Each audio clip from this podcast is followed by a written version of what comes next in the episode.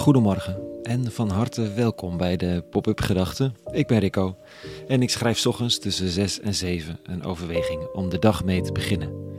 Vandaag met de titel Vrij zijn, ik wil alleen maar vrij zijn. Pop-up Gedachten woensdag 29 maart 2023.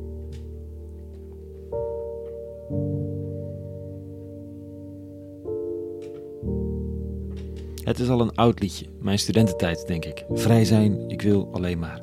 Vrij zijn, liefde komt ooit als ik niet meer vrij wil zijn. Fascinerend stukje tekst, toch? Lekker puberaal ook. De flinterdunne filosofie dat liefde en je aan iemand verbonden weten het tegenovergestelde is van vrijheid. Ik noem het flinterdun omdat liefde natuurlijk uiteindelijk de ultieme vrijheid is. Ik denk niet doen wat je wilt, wanneer je dat wilt, met wie je dat wilt, een interessante vorm van vrijheid is. Zoals vrij zijn van school gedurende een vakantie heel leuk is. Maar geen school, geen dagritme. Zelfs een kind weet na een paar dagen ziek zijn dat school echt wel leuker is. Al moet je er van alles. En je baan op zich kan voelen als een bevrijding. Of het wegvallen van je werk, idem dito. Maar het wordt pas echt vrijheid als er een nieuwe baan op je staat te wachten en je er nog niet direct aan hoeft te beginnen. Als je echt in between jobs bent. We hebben het nodig om verbonden te zijn, om ons vrij te weten. Fijne paradox, wel. En dat betekent niet dat verbondenheid automatisch vrijheid is. De relaties die voelen als een gevangenis zijn er waarschijnlijk ook legio. Het punt is dat het tegenovergestelde niet altijd vrijheid is. Omdat de situatie van zoveel die graag met een partner of een gezin zouden leven, maar diegene niet hebben gevonden, wel vrij is, maar lang niet vrij voelt. Vrijheid is al een stuk boeiender als je een plek gevonden hebt in je leven waarin dat wat nodig is, wat je moet, wat hoort, matcht met wat je graag doet en lief hebt. Kijk, ik moet goed voor mijn kinderen zorgen, dat is mijn plicht. En zeker, daar mopper ik wel eens over. En ben ik onwijs blij dat ik het niet alleen hoef te doen. Ik herinner me nog levendig het thuisonderwijs in het begin van coronatijd. Wat een drama. Maar ik hou van die twee, met hart en ziel. Dus is dat zorgen geen taak en opdracht en onvrijheid, maar is het juist bevrijdend. Dat ik mijn plek gevonden heb, ook als vader. En voor werk geldt natuurlijk ook dat als je een plek hebt gevonden waar je moet doen volgens afspraak wat je eigenlijk het liefste doet, dat je daarmee een grote vrijheid hebt gevonden. Hoe zit dat spiritueel? Veel mensen, mijzelf in kluis, die opgevoed zijn in kerkelijke kringen of ervan gehoord hebben, zijn overladen met het idee dat van de liefde van God. En dat het je taak is om God lief te hebben en je naast als jezelf. Wat dat precies betekent, daarover verschillende meningen. Maar dit is wel zo'n beetje de kortste samenvatting van de opdracht. Tegelijk hebben we veel gehoord over zonde.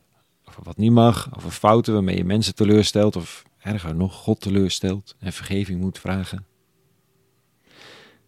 En soms huist er in ons nog ergens de angst voor een donker perspectief na dit leven.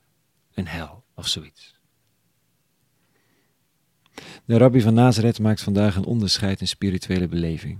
Hij heeft het over kinderen of dienaren of slaven. Dit staat er. De slaaf, de dienaar, blijft niet voor eeuwig in het huis. De zoon blijft er voor eeuwig. Hey, en als de zoon u vrijmaakt, zult u werkelijk vrij zijn.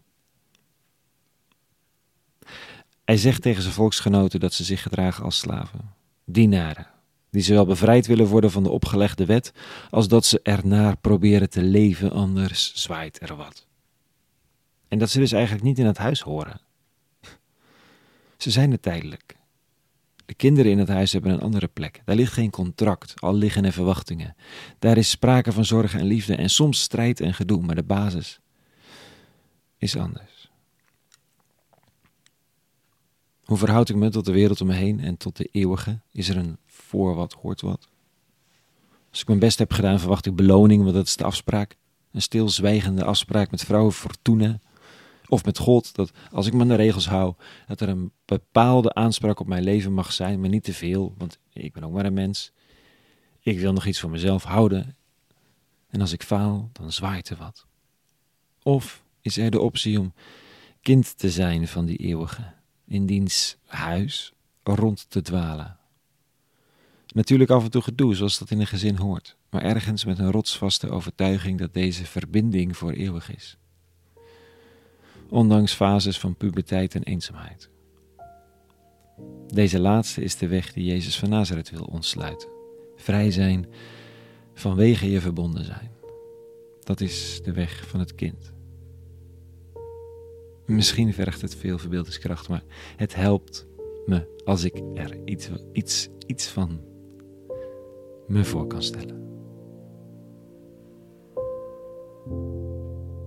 Tot zover vandaag. Een hele goede woensdag gewenst. Morgen weer een nieuwe pop-up gedachte. Oh, de muziek in de opnames is zoals altijd van Alan Speeljak. En voor nu, vrede gewenst. En alle goeds.